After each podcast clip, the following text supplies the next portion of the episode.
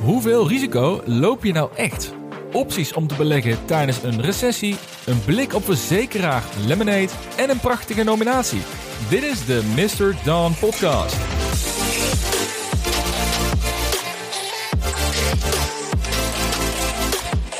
Welkom bij de Mr. Dawn Podcast, waar de focus volledig ligt op het beleggen in innovatieve groeiaandelen. Mijn naam is Jasper en één ding is zeker: hoeven ons niet te vervelen in deze periode. Het is duidelijk dat de spanning en de angst wat eh, toe begint te nemen bij beleggers. De Nasdaq heeft afgelopen week een nieuw dieptepunt aangetikt in de afgelopen 12 maanden. Dus de verwachte nieuwe lows na het tweede kwartaal, nou, die zijn inderdaad helaas uitgekomen. En waar er eerst nog wat lichte opluchting was, toen de beurs een beetje tot en met midden augustus weer sterk leek te herstellen, nou, is dat gevoel inmiddels weer, uh, weer helemaal verdwenen. Het lijkt een beetje op een, uh, een verliezende bokser die net eventjes een klein beetje extra lucht kreeg. Ja, om daarna toch weer snel met een uh, flinke klap tegen de maag te moeten incasseren en op het dek te belanden. Ja, die klappen die komen natuurlijk extra hard aan. En dat merk ik ook als ik dan met andere beleggers hierover praat. Je merkt nu echt dat het vertrouwen af begint te nemen. En het besef komt ook wel dat het nog wel eens langer zou kunnen gaan duren voordat ieders portfolio weer in de zwarte cijfers komt. En in dat kader wil ik voor deze aflevering een paar onderwerpen benaderen die daar allicht wat meer context en ook wat ideeën bij geven. Allereerst wil ik zo meteen positief starten, want deze podcast heeft echt een, een geweldige nominatie ontvangen. En daarbij wil ik met je delen ook hoe deze podcast de komende maanden eruit gaat zien. En daarna gaan we de inhoud in. Dus allereerst over het begrip risico's. En ik wil kijken van ja, wat zien we nou gebeuren op de markt? Wat zien we gebeuren bij beleggers onderling? En hier heb ik de afgelopen maanden veel over nagedacht. Ik noem mijn portfolio vaak een, een risicovollere manier van beleggen. Maar wat is dat nou echt? Hè? Wat is nou echt risicovol beleggen? En waarom is risico eigenlijk veel meer afhankelijk van je persoonlijke omstandigheden dan dat je dat kan toeschrijven puur en alleen aan een portfoliostrategie? Nou, ook wil ik het hebben over welke aandelen goed kunnen presteren tijdens een recessie. Want dat gaan we waarschijnlijk niet kunnen ontlopen. En waarschijnlijk zitten we daar zelfs al in trouwens. En traditioneel wil ik afsluiten met Don's Radar, waar ik uh, aandelen uitlicht die op mijn vizier staan. En deze week is dat een snelle blik op het bedrijf Lemonade, een digital-first verzekeringsmaatschappij die zich met name richt op de millennials en Gen Z. En ik ben dol op bedrijven die echt een sterk merk aan het bouwen zijn. En daar lijkt Lemonade er zeker eentje van te worden. En een verzekering, die heb je in alle tijden nodig, ook in een recessie. Dus het leek mij een goed moment om het aandeel Lemonade te bespreken in deze aflevering. Maar voordat we starten, je kent hem al, je voelt hem aankomen. Dit is geen financieel advies. Doe altijd je eigen onderzoek en beleg alleen met geld dat je kunt missen. En je mag deze podcast ook expertise vrij noemen. Ik vond dat wel een hele mooie term die volgens mij door onze vrienden en collega's van Jong Beleggen veel gebruikt wordt. Nou, daar kan ik mij ook wel in vinden. En als je dit nou een toffe podcast vindt, dan help je mij ontzettend met een review of een score via Spotify of via Apple Music. En door jezelf te abonneren op de podcast.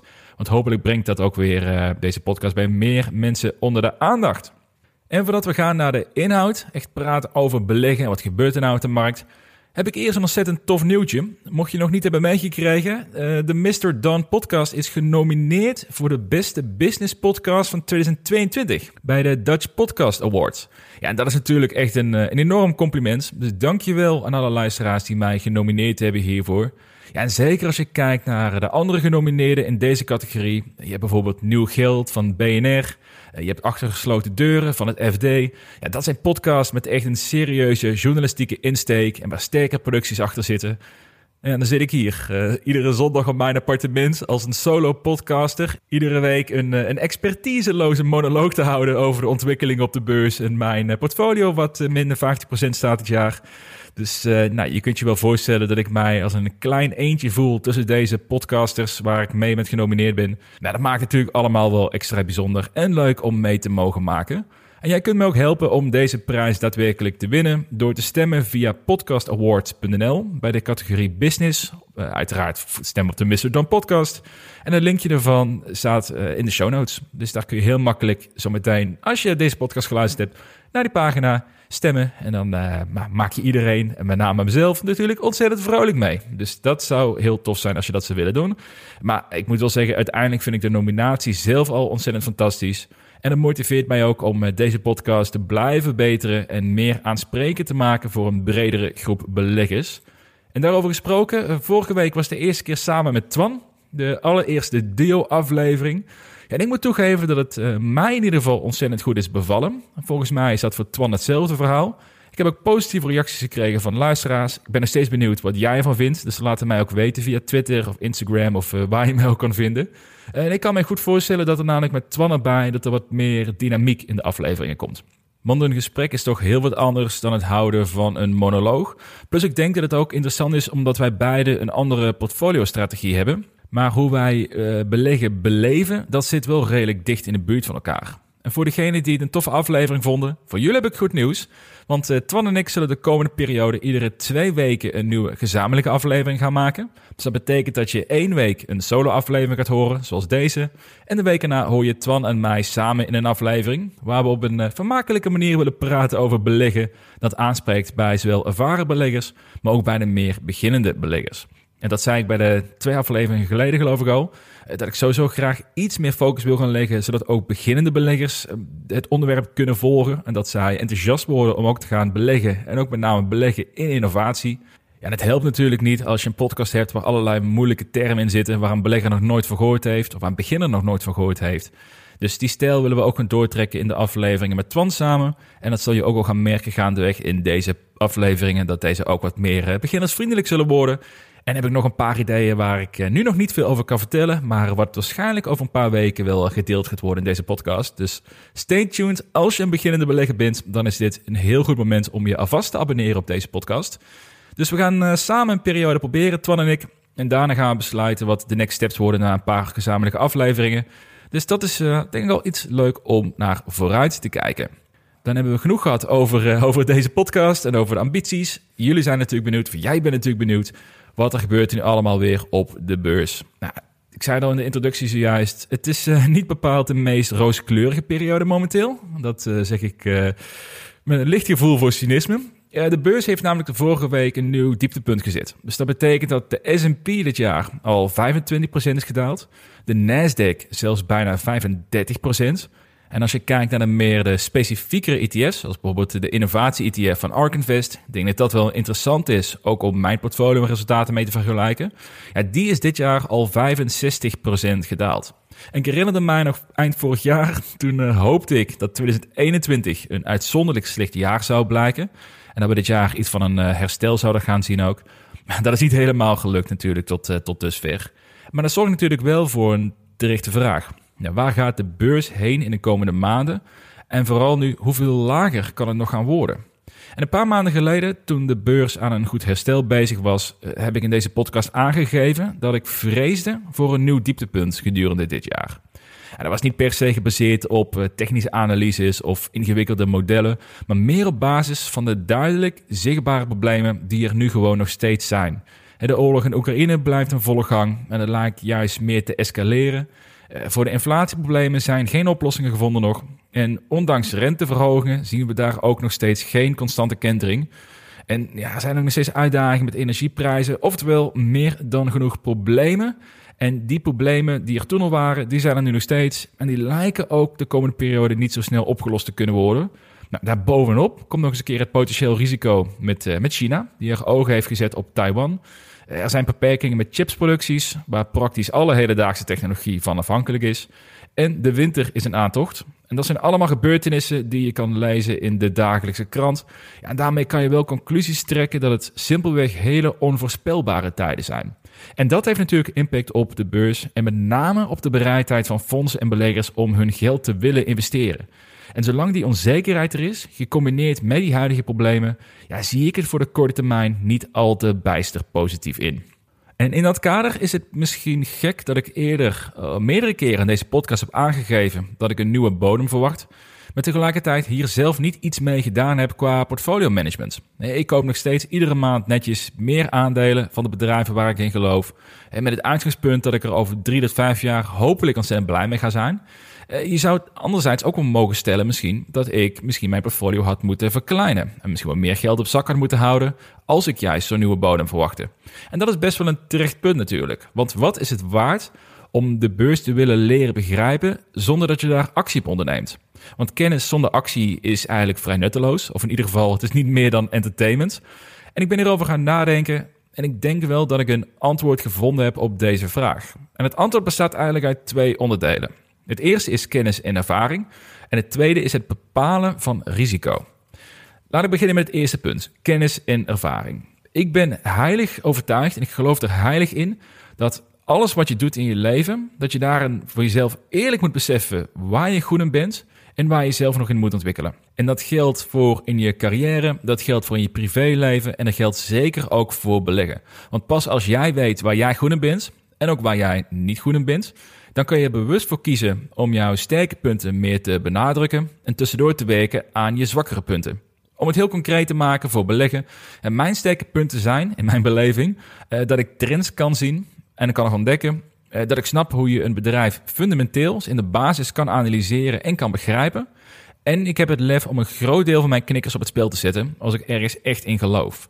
Dat heeft tot gevolg dat ik een portfolio heb met zes aandelen die ik allemaal begrijp en waar ik een goed beeld heb hoe de potentiële toekomst van deze bedrijven eruit zien en inschatting hoe belangrijk zij zouden kunnen worden. Nou, dat is mijn kracht en iets waar ik juist meer op wil gaan inzetten, omdat ik denk dat dat iets is waar niet iedere belegger mij in kan volgen, om het zo even, even uit te drukken. Maar waar ik minder sterk in ben, met name, is het technische aspect van beleggen. En dan heb ik het over uh, momentum kunnen inschatten, dat een koers in een opwaartse of in een neerwaartse beweging zit, en hoe een koers mogelijk gaat reageren zodra een bepaalde bepaald punt bereikt heeft waar er wel steun of weerstand op zit. Want dan kom je al snel uit bij veel meer technische, datagedreven manieren van beleggen. En iets waar met name traders mee bezig zijn. En eerlijk gezegd snap ik daar gewoon heel weinig van. En daar ben ik ook altijd vrij pessimistisch over geweest. Maar ja, misschien is mijn onkunde over dit onderwerp ook wel de reden van mijn pessimisme. Dus iets wat je niet begrijpt, zul je ook niet snel willen omarmen. En de afgelopen periode probeer ik mij hier iets meer open voor te stellen. Ik denk in theorie namelijk dat het een hele sterke toevoeging kan zijn aan je toolkit. Als je met technische analyses een goed instappunt of een verkooppunt kan bepalen. Maar als je dat combineert met je fundamentele analyse, hè, dat je kan concluderen dat je een aandeel sowieso graag wil hebben op basis van de potentie van het, van het bedrijf. En je kan daarna ook via technische analyse bepalen wat een sterk instapmoment is. Ja, dan heb je denk ik echt een 1 plus 1 is 3 te pakken. Maar terugkomend op het punt van zojuist, nou, waarom neem ik dan geen actie, ondanks dat ik meerdere keren heb uitgesproken dat een, een nieuwe bodem een realistisch scenario is? Nou, dat komt, ik leer graag stap voor stap. En terwijl ik het één aspect onder de knie krijg, is de fundamentele analyse, waar ik eh, sinds ik ben begonnen met beleggen, daar heb ik echt mijn focus op gelegd en daar ben ik steeds meer comfortabel over ook. Uh, terwijl ik daarmee bezig ben, wil ik ook gaan spelen met nieuwe dingen die ik nog niet goed ken. Nou, één daarvan is dus die technische analyses. Ik denk dat dat super waardevol kan zijn om daar meer, eh, meer kennis over te krijgen. Maar de ander is het kunnen inschatten hoe de markt of een aandeel gaat reageren op basis van sentiment. Ik begin hier ook steeds beter gevoel bij te krijgen, omdat nu een aantal keren is bevestigd dat mijn inschattingen simpelweg gewoon kloppen. Niet altijd natuurlijk, maar regelmatig genoeg om het, uh, om het positief te maken. En wat een goede tip hiervoor is, wat mij ontzettend helpt om hier duidelijkheid over te krijgen, is simpelweg bijhouden wat jouw ideeën en verwachtingen zijn in een bepaalde periode. En niet denken dat dat uh, vanuit een zwart-wit principe, want dit gaat 100% gebeuren mindset, maar probeer het dan vanuit scenario's te bedenken. Dus in dit geval, het was voor mij een aannemelijk scenario dat de beurs een nieuw dieptepunt zou gaan aantikken gedurende dit jaar zegt dat ik daar voor 70% eh, eh, in dat scenario geloofde. Maar ja, stel je voor dat de Fed had gekozen om eerder voor een zachtere aanpak te gaan kiezen en bijvoorbeeld de rentes weer te gaan verlagen. Ja, dan zaten we nu weer in een enorme bull market. Dus eh, laat ruimte voor andere scenario's, want je hebt uiteindelijk niet overal controle over. Of je hebt eigenlijk maar heel weinig controle wat er op de beurs gebeurt. En als je dit een paar maanden gaat bijhouden, en ook daarna gaat, uh, gaat recappen waarom dan wel of niet iets gebeurd is wat je had verwacht, dan ga je ook beter begrijpen waarom je iets dacht en waarom het geen gebeurd is. En ik denk wel dat dat gaat helpen om daardoor betere inschattingen te maken in de toekomst. En dat zijn dingen waar ik nu een beetje mee het oefenen ben, een beetje mee aan het spelen ben. Van ja, mijn aannames die ik maak, waarom denk ik dat? Komen ze uit, ja of nee? En zo ja, waarom wel of waarom niet? En wat kan ik fine-tunen aan mijn denkwijze om daar betere inschattingen voor te maken? En als ik daar comfortabel genoeg mee ben, dan durf ik ook waarschijnlijk wel meer te gaan handelen met mijn portfolio. Ik denk dat het een beetje het lang verhaal kort is. Ik ben nu nog niet comfortabel genoeg om te handelen naar de korte termijn verwachtingen. Maar waar ik wel comfortabel genoeg in ben, is via een fundamentele analyse te beseffen welke aandelen ik graag voor de langere termijn wil hebben. Is een beetje schoenmaker, blijf bij je leest. Maar aan de andere kant, een schoenmaker kan in zijn vrije tijd ook nieuwe skills leren. Dus uh, dat is wel ook een, een, stukje zelfreflectie om naar mezelf toe, maar ook misschien wel voor, jou. Om je daarvoor open te stellen om dus nieuwe dingen te leren die gewoon impact kunnen maken op, uh, op beleggen overal. Die misschien niet meteen in de eerste instantie bij je aanspreken, maar die wel, als je ervoor openstelt, iets kunnen toevoegen. En dan had ik nog een, uh, een tweede reden om dus niet mijn portfolio aan te willen passen aan de korte termijn verwachtingen. En noemde dat zojuist het bepalen van risico's en dat is een thema waar ik de afgelopen periode ook veel over heb nagedacht. En ook iets waar heel veel discussie over plaatsvindt op bijvoorbeeld Twitter of met beleggers onderling. En het idee is een beetje als volgt. Ik noem mijn portfolio vaak een, een risicovollere manier van beleggen. En daar zit zeker een kern van waarheid in. Want met slechts zes aandelen in met name start-up-achtige bedrijven nou, zit deze stijl wat ik aanhoud waarschijnlijk eh, wel in de kopgroep qua meer risicovollere strategie op de beurs. Ik denk qua volatiliteit eerder te vergelijken met crypto. En qua kans op slagend falen misschien eerder te vergelijken met start-up investing. In vergelijking dan met beleggers die eh, met name kiezen voor een marktbrede ETF. Dat noemen we de, de, de standaard manier, laat ik het zo even noemen. Dus ja, natuurlijk is dat risico van mijn stijl nadrukkelijk hoger dan een ETF-belegger. Alleen, waar ik over zat na te denken, ik had die discussie op Twitter kwam langs van ja, je hebt mensen die zeggen, ja, maar hij, hij of zij hoeft dat geld wat hij nu in de beurs steekt, heeft hij helemaal niet nodig. Dus wat is nou het risico als het fout gaat? Heeft jarenlang om over na te denken. En ik ging erover nadenken van, ja, wat is dat nou inderdaad echt? Wat is nou echt risico? Eh, wat betekent dat nou? En jazeker, mijn portfolio zal een hogere kans hebben van falen. Eh, en de waarde van een portfolio gaat ook veel harder op en neer dan bij een ETF-portfolio. Maar is dat een risico of is het eerder een gevolg van een strategie? Maar een risico, in mijn beleving, is dat je een actie onderneemt waarbij een één resultaat erg goed voor je kan uitpakken en het andere resultaat erg slecht voor je kan uitpakken. En ik ben tot het besef gekomen dat een bepaalde beleggingsstrategie aan zich niet echt bepaald risicovol te noemen is, maar dat het meer een onderdeel is van jouw hele financiële levensstijl. Nou, dat klinkt misschien een beetje uh, verwarrend of uh, uh, niet concreet genoeg, dus laat ik het iets praktischer maken. stel, twee vrienden van elkaar zijn beide begonnen met beleggen. Zij zijn fanatiek en hebben het, uh, beide ook het gros van hun spaargeld in de beurs geïnvesteerd. Uh, ze hebben alle artikelen gelezen en al die, al die, die pompers op Twitter natuurlijk. Die zeggen hoeveel geld je kan verdienen met, met beleggen. En ze hebben ervoor gekozen om al hun geld te investeren in, in de beurs. Je hebt Stef en Stef belegt graag in marktbrede ETF's. Snap je hem? Stef, ETF. Nou, daar is geen betere naam bij te verzinnen natuurlijk. Dus Stef is onze ETF-boy. En eh, de tweede persoon, laten we zeggen Donna. Hm? Zij belegt graag in uh, slechts enkele aandelen in een sector die zij goed kent. Meer in innovatie. Dus misschien iemand die, uh, ik vergelijk haar misschien met iemand die jij wel kent ook. Die misschien deze podcast inspreekt. Dus uh, Stef en Donna, die hebben een portfolio die tegenpolen van elkaar zijn. marktbreed, relatief simpel, tegenover een sterk geconcentreerd en een sterk volatiel portfolio. En op het eerste gezicht zou je kunnen zeggen dat Stef een portfolio heeft met weinig risico's en dat Donna een portfolio heeft met hoge risico's, met veel risico. En als je ervan uitgaat dat Stef en Donna beide een vergelijkbaar leventje leiden, hè, met een goede vaste baan, en, uh, allemaal een gezin met een kind, een koophuis, ja, dan maakt de portfolio inderdaad het onderscheid tussen wel of niet risicovol zijn met je vermogen, met, met, met, je, met je financiële situatie. Dan is het portfolio het enige wat daarin uh, de differentiator is. Maar laten we nou één variabele toevoegen aan dit vergelijk, namelijk dus hun persoonlijke omstandigheden. Stel nou dat Stef werkt als zelfstandige ondernemer, hij heeft een koophuis en heeft twee kinderen thuis zitten. En Donna is een alleenstaande dame met een goede vaste baan met een huurhuis.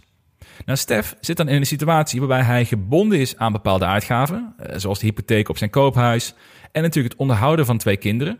En als ondernemer heb je in theorie ook nog een keer minder zekerheid om een constant inkomen.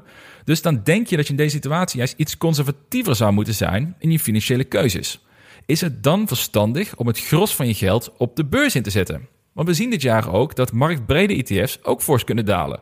En als je je geld tussen haakjes veilig zet op een ETF, zoals de Nasdaq bijvoorbeeld, als die de Nasdaq volgt, dan was je dit jaar ook 35% van je waarde kwijt geweest. En wat voor problemen komt Stef nu als er iets misgaat binnen het koophuis? Als er bijvoorbeeld iets, uh, een, een, hele dure vervanging gemaakt moet worden? Of wat gebeurt er als de onderneming van Stef minder goed gaat presteren? Kan je stellen dat Stef in combinatie met deze persoonlijke omstandigheden een laag risico neemt door te beleggen op deze manier? En opeens, als het goed is, krijg je met me mee ook de, de besef je mijn punt dat eigenlijk de hele overweging aan het veranderen is. Want dan hebben we Donna, in eerste instantie zul je haar waarschijnlijk hebben ingesteld als een, uh, als een risiconemer met een sterk geconcentreerd en volatiel portfolio. Maar Donna heeft geen hypotheek om te betalen. Ze heeft geen kinderen voor te zorgen en ze heeft een vaste cashflow vanuit haar baan. Zij kan exact inschatten hoe hoog haar kosten zijn iedere maand en hoeveel zij daarvan uiteindelijk kan gaan investeren van de vaste cashflow die zij heeft. Want gaat er iets kapot in huis, dan belt zij de huisbaas. Uh, zit ze even krap bij kas, nou, dan is misschien een maandje geen kleren kopen of niet uitgaan. Uh, maar zij heeft zelf volledige controle over haar financiële situatie. En vanuit die situatie kan zij het zich veroorloven om in theorie risicovollere beleggingen te maken. Dus het verschil is dat 35% verlies voor Stef in ETF's waarschijnlijk veel meer problemen gaat opleveren voor hem dan Donna, die 50% van haar groeiportfolio kwijt is geraakt. Simpelweg door de persoonlijke situaties die verschillen van elkaar. Dus mijn kern van dit argument, als je het hebt over risicovol beleggen en uh, wat, wat doe je jezelf aan door in een geconcentreerd portfolio te zitten en yada yada. Ik denk dat het moet aansluiten bij de stijl van jouw persoonlijke situatie. Heb je een vaste baan waar je iedere maand geld overhoudt om leuke dingen mee te doen en je hebt geen uh, onregelmatige financiële verantwoordelijkheden of schulden, dan kan je het veroorloven om meer risico te nemen op de beurs. Zeker als je jonger bent. En op Twitter, ik zei het al, kreeg ik de afgelopen paar weken de uh, reacties over mijn portfolio, die dit jaar flink is gedaald. En daar ben ik uh, volledig transparant in. Ook al daalt het 90%, nog steeds ga je van me horen dat, die, uh, dat de daling er zo flink in zit.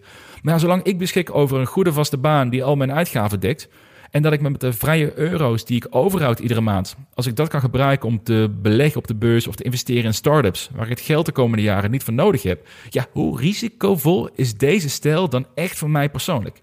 En ik zou denk ik voor iedereen willen aanraden om vooral op die manier ook te kijken naar welke beleggingsstijl het beste bij je past. En dus met name op basis van je persoonlijke financiële situatie. En hoe stabieler die is, denk ik, des te meer risico je kan nemen op de beurs en vice versa. En ik, ik, heb, wat ik zei, ik heb hier lang over nagedacht de afgelopen maanden. En, of, af, nou, niet maanden, maanden is overdreven, afgelopen weken. En ik denk wel dat dit een hele belangrijke nuance is die in mijn beleving iets te weinig wordt gemaakt op de beurs. En dat we alleen maar kijken naar ieders portfolio en uh, hoe volatiel dit is. En dan op basis daarvan conclusies trekken. Terwijl het om uh, eigenlijk gewoon gaat als onderdeel van je hele financiële situatie. Dus dat, uh, nou, ik hoop dat ik daar iets meer context over heb kunnen geven in, in dit geval. En dat het jou misschien ook wel helpt om te kijken welke stijl daarin bij jou beter past. Nou, tot zover het, het, eerste onderdeel van de aflevering. We hebben eigenlijk twee thema's besproken. En één besef ik mij nu. Dus de nominatie van de Mr. Dan podcast. Dus zeker even stemmen via podcastawards.nl. Eh, maar ook hoe mijn inschatting van de markt leidde eigenlijk tot geen reactie. En wanneer je nou echt mag spreken van risicovol beleggen. Nu zitten we alweer redelijk over de helft van deze podcast. Het gaat weer behoorlijk snel, moet ik, moet ik toegeven. Verderop in deze aflevering wil ik het in Don's Radar hebben over digitale verzekeraar Lemonade. Maar eerst kwam er nog een interessante vraag voorbij via Twitter. Namelijk, hoe wil je beleggen in een recessie en welke aandelen doen het traditioneel gezien goed? Nou, allereerst, het lijkt overduidelijk dat we in een recessie terecht gaan komen, of waarschijnlijk al middenin zitten. Je ziet langzaam ook het sentiment bij bedrijven veranderen. Een jaar geleden was het volledig gefocust op groei, uitbreiding van het personeelsbestand, fors investeren om juist een groter marktaandeel te krijgen. En we zitten nu in een fase waarbij bedrijven gaan kijken waar ze kosten kunnen verlagen, met gevolg dat er in personeel gesneden gaat worden en dat waarschijnlijk ook de inflatie hoger oploopt dan de salarissen kunnen volgen. Nou, zelf zie ik het ook voorbij komen in de advertentiewereld waar ik werkzaam ben, waar de marketingbudgetten gewoon langzaam onder druk komen te staan. En dat is vaak een duidelijk signaal. Als adverteerders minder reclame gaan maken, dat ze gewoon verwachten dat er zwaardere tijden aan gaan komen. Dus dat gezegd hebben we, hoe kunnen wij als beleggers hier nou goed mee omgaan in de komende maanden, komende kwartalen? En in theorie is het eigenlijk vrij helder wat voor type aandelen je wilt bezitten in deze periode. Er is ontzettend veel over te lezen, ontzettend veel over te vinden. Je wilt bedrijven hebben die een stabiele omzet blijven maken, ongeacht of mensen minder geld ter beschikking hebben. En dat zijn vaak de producten die je simpelweg gewoon nodig hebt. Dus denk aan energie, aan uh, huishoudelijke of verzorgingsproducten. Maar denk bijvoorbeeld ook aan snacks en drank- of bierproducenten, waar de consument gewoon geen afstand van wil nemen. En het liefst deze productgroepen gecombineerd met bedrijven met een hoge constante cashflow en natuurlijk een gezonde financiële balans. Maar als je deze aandelen interessant vindt, dan kom je uit bij een, uh, een Bayer, een PepsiCo, een Heineken. Dan luister je naar de verkeerde podcast. Want ik wil natuurlijk weten hoe je als belegger in innovatieve groeiaandelen deze fase door moet komen. En dat is volgens de theorie nou niet meteen de allerbeste combinatie. Uh, groeiaandelen in het algemeen zijn met name bezig om fors te investeren in hun producten en het uitbreiden van hun marktaandeel. Met als gevolg dat veel groeiendelen vaak verliesgevend zijn en soms ook maar 1 tot 2 jaar in sommige gevallen aan, aan runway hebben. Oftewel de periode waarin zij genoeg geld hebben om hun kosten te blijven dekken. En laat dat juist de aandelen zijn die het afgelopen anderhalf jaar al fors zijn afgestraft. Dus wat mij betreft zijn er uh, drie manieren om deze periode te bespelen, zeg ik maar even zo. En dat hangt volledig af van jouw persoonlijke situatie. Uh, of je het oké vindt om een paar maanden in het rood te staan, of dat je liever een uh, papieren verlies wil voorkomen. En of je bereid bent om regelmatig te kopen of verkopen. Of misschien gewoon liever één keer per maand een aankoop doet en daarna je app verwijdert. Dus heel persoonlijk is dit. Uh, dus ik heb drie stijlen, heel simpel eigenlijk uitgewerkt. Uh, waar ik denk waar er, waar er kansen liggen. En iets is waar je je aan kan vasthouden voor de komende periode. En dan heb ik dus met name gekeken naar beleggen en innovatie. Want als je, een, eerlijk, als je mij gewoon zou vragen wat een gemiddelde belegger het beste zou kunnen doen, denk ik, in mijn expertiseloze mening natuurlijk, dan is dat waarschijnlijk gewoon beleggen in ETF's, uh, verstand op nul, één keer per maand bijkopen en klaar. Maar daar gaat deze podcast niet over. Dus we gaan kijken naar beleggen en innovatie. En optie 1 is het misschien wel de meest voor de hand liggende. En dat is namelijk het, uh, het focussen op het opbouwen van een grotere cashpositie. Dit is niet de fase om eh, heel agressief te hoeven zijn. Dus bouw aan je oorlogskist. En zodra met name de Fed het signaal geeft dat ze willen gaan versoepelen met lagere rentes en tegelijkertijd zien we een dalende inflatie, dat is het moment dat je los wilt gaan op groeiaandelen. Maar tot die tijd rustig afwachten, waarmee je met name dus een papieren verlies voorkomt, maar hoogwaarschijnlijk tegelijkertijd ook al een paar uh, aantal gouden kansen zult missen. Maar ja, de beurs is al zo ver gedaald in de afgelopen maanden, afgelopen jaar. Uh, je kunt ook wel even afwachten totdat de momentum weer positief is. En dan besluiten in te stappen en nog steeds een, heel goed rendement maken als je juiste beslissingen neemt. Dus wat dat betreft is dit misschien de beste keuze voor beleggers die het wat spannend beginnen te vinden op de beurs. Om even gas terug te nemen, af te wachten totdat het wat, uh, wat constanter gaat worden. De tweede optie is het tijdelijk aanpassen van je strategie. Minder in groeiaandelen en meer naar solide en noem het even conservatievere aandelen. Dus dat is een manier om je portfolio enigszins te beschermen, eh, zonder dat je short hoeft te gaan op de beurs. En als de beurs weer aantrekt, nou, dan ga je ook mee met die nieuwe positieve flow. Dus bedrijven zoals eh, nou, Heineken, uh, Walmart, Costco, die zullen waarschijnlijk aardige resultaten blijven boeken, omdat mensen toch gewoon hun producten moeten blijven kopen. Of besluit, zoals ik net zei, besluit het om toch wat meer geld in marktbrede ETF's te stoppen. Dat geeft iets meer rust in je portfolio, terwijl je niet een groot deel van je geld in cash hoeft te hebben, wat vanwege inflatie natuurlijk ook steeds minder waard wordt. En tegelijkertijd zul je zien dat uh, bedrijven zoals Netflix, Just Eat, Disney, dat zijn bedrijven met wat meer, uh, die wat meer bouwen op luxe uitgaven. Nou, die krijgen waarschijnlijk meer moeite om hun omzet vast te houden. En dat zijn aandelen waar ik nu waarschijnlijk iets minder een allocatie in zou willen hebben in de huidige fase. En de derde optie, dat is uh, heel simpel eigenlijk. Dat is iedere maand constant blijven investeren in je hoogste overtuigingen. Maar dan allicht wel iets meer focussen op groeiaandelen die al winstgevend zijn en voldoende kapitaal hebben om een recessie uit te zingen. Ik heb er al meerdere artikelen en analyses over gelezen. En analisten lijken er in bepaalde mate mee eens te zijn dat groeiaandelen bovengemiddeld kunnen gaan presteren tijdens een recessie. Maar dan wel specifieke aandelen zoals een Google of een Microsoft, die al sterk winstgevend zijn, met producten die mensen nodig blijven hebben en die dus ook een enorme schatkist hebben om in deze periode vooral te kunnen blijven investeren. Ik denk dat dat een enorme kans biedt. En ook dat zijn aandelen die de afgelopen, het afgelopen jaar flink zijn gezakt in waardering. En als je kijkt naar hoe ondernemers een, een bear market beschouwen, of uh, een, noem het, of een recessie beschouwen. Misschien is dat een betere term voor, uh, voor ondernemers. Maar dan zien zij vaker als de periode om echt te starten met bouwen. Terwijl een bull market meer beschouwd wordt als een periode om hogere waarderingen af te dwingen en extra veel cash op te halen, om dus die aanstaande recessie daar eens goed voorbereid te zijn. En ik ben het daar wel mee eens. Ik denk dat bedrijven die de komende plus minus twee jaar kunnen blijven investeren in hun producten, in hun technologie, en het vergroten van een marktaandeel zonder dat ze sterk hoeven te snijden in hun personeel of winstmarges, ja, die zijn uiteindelijk uitstekend voorgesorteerd om te profiteren van de onvermijdelijke nieuwe bull market die er ooit weer een keertje aan gaat komen. Of het dan over uh, twee jaar, vijf jaar of twaalf jaar is. Uh, het, het gaat een keer weer gebeuren. Dat is gewoon hoe de, hoe de, hoe de markt, hoe de economie werkt. En daarom gaat mijn persoonlijke voorkeur ook uit naar optie 3. Ik vind het niet nuttig om veel cash op de bank te hebben staan. Uh, mede ook doordat ik zelf een goede cashflow heb. Dus dan ga ik weer teruggrijpen naar je persoonlijke situatie. Maar ik vind het ook geen aantrekkelijke gedachte om tijdelijk mijn strategie om te gooien naar ETF's of naar meer conservatieve aandelen. Ik zit wel nadrukkelijk te kijken naar aandelen met een hoge cashflow, hoge marges en een volle schatkist. Dus aan welke aandelen denk ik dan persoonlijk? Nou, ik ben zelf enorme fan van Google. Ik denk dat zij een geweldig businessmodel hebben en ook al jarenlang aantonen dat zij trends en innovaties snappen.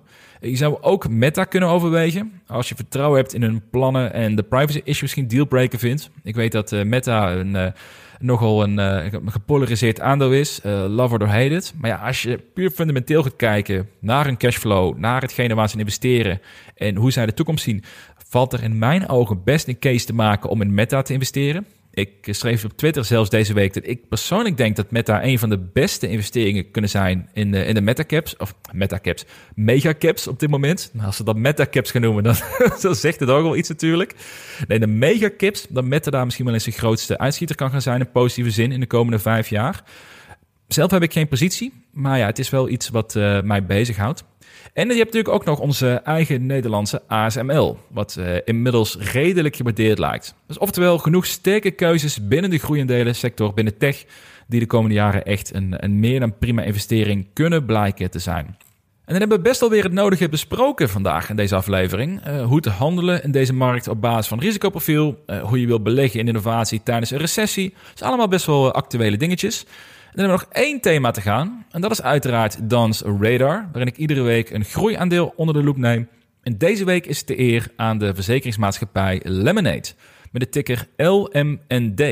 En je zou denken, dat is toch alles behalve een innovatieve sector, die verzekeringen? Dat is zeker waar. Maar Lemonade doet een paar dingen ontzettend slim, waardoor het mijn aandacht heeft getrokken. En ik ga er geen uitgebreide analyse van maken, deze aflevering, maar ik vind het wel interessant om even globaal een aantal dingen uit te lichten. Nou, Lemonade biedt een, eh, een inboedel- en een aansprakelijkheidsverzekering aan. Nou, je kunt mij niet veel saaiere dingen noemen dan deze twee onderwerpen. Maar dat is wel iets wat iedereen nodig heeft. Maar waar niemand ook zin of tijd heeft om daar uh, energie in te moeten willen stoppen.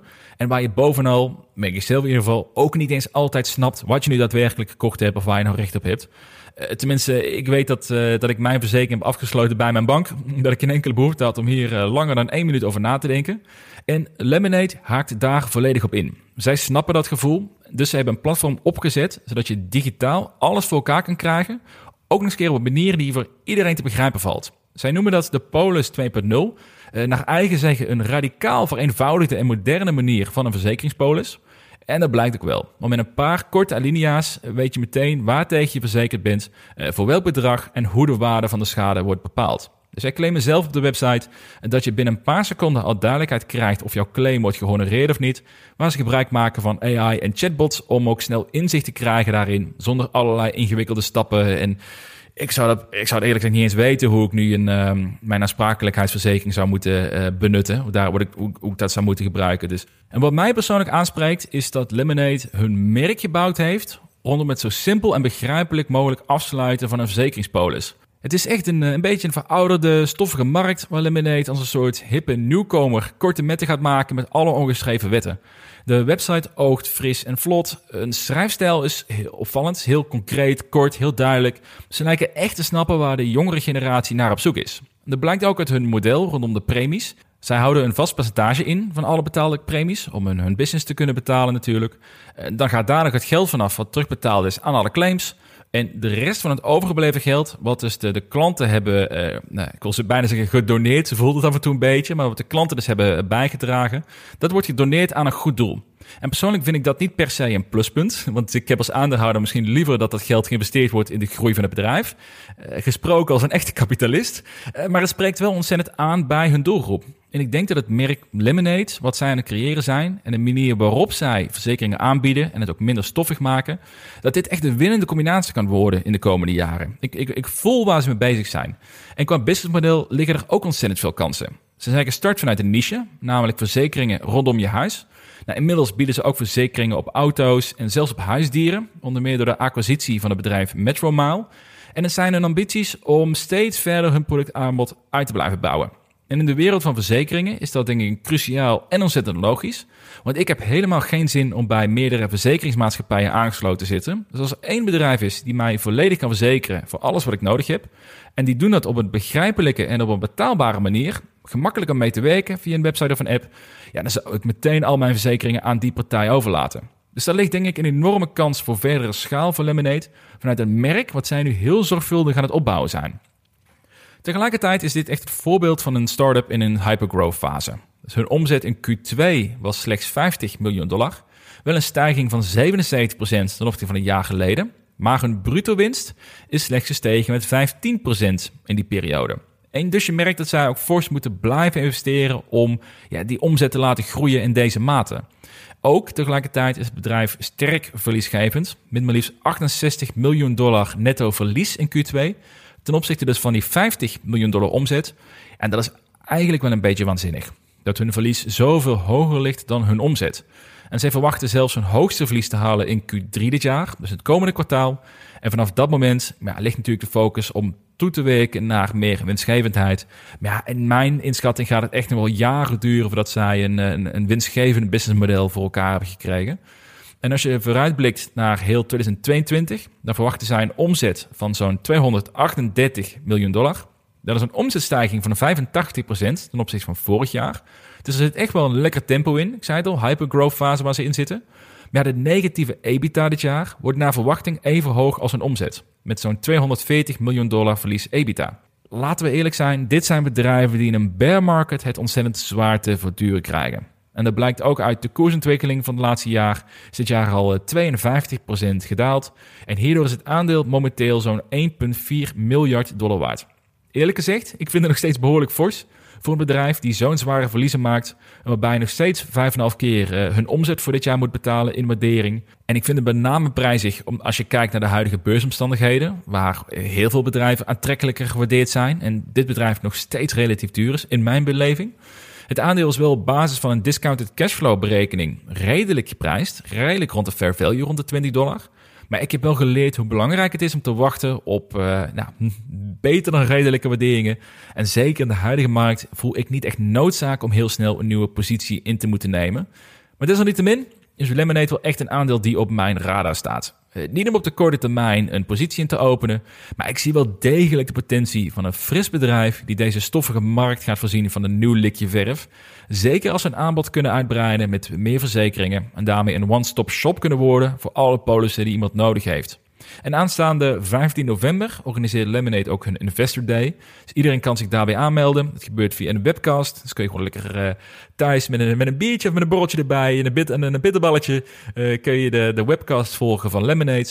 En uh, dat lijkt mij zeker de moeite waard om daarbij aan te haken als je, als je dit een interessant bedrijf vindt. Ik ga zelf ernaar kijken in ieder geval. En dat zal voor mij ook het eerste moment worden om echt een, een beter beeld te krijgen bij het bedrijf, eh, bij de CEO met name, en ook een strategie voor de komende jaren. En op basis daarvan ga ik besluiten ja, hoe serieus ga ik dit aandeel volgen in de komende maanden. En zou dit een aandeel kunnen zijn die misschien ooit wel een keer op mijn uh, wishlist terecht zou kunnen komen. Maar over het algemeen voor nu dus nog even niet. Maar het is wel een aandeel die mij uh, intrigeert. Ik vind dat wel een mooie term om hem om mee af te sluiten. Maar daarmee zijn we aan het einde gekomen van deze aflevering van vandaag. Stem dus op de Mr. Don podcast als de business podcast van 2022. Ik vind het belachelijk om te zeggen, maar het klinkt wel ontzettend leuk. Uh, via podcastawards.nl, link staat in de show notes. Uh, voor nu bedankt voor het luisteren en graag tot de volgende aflevering.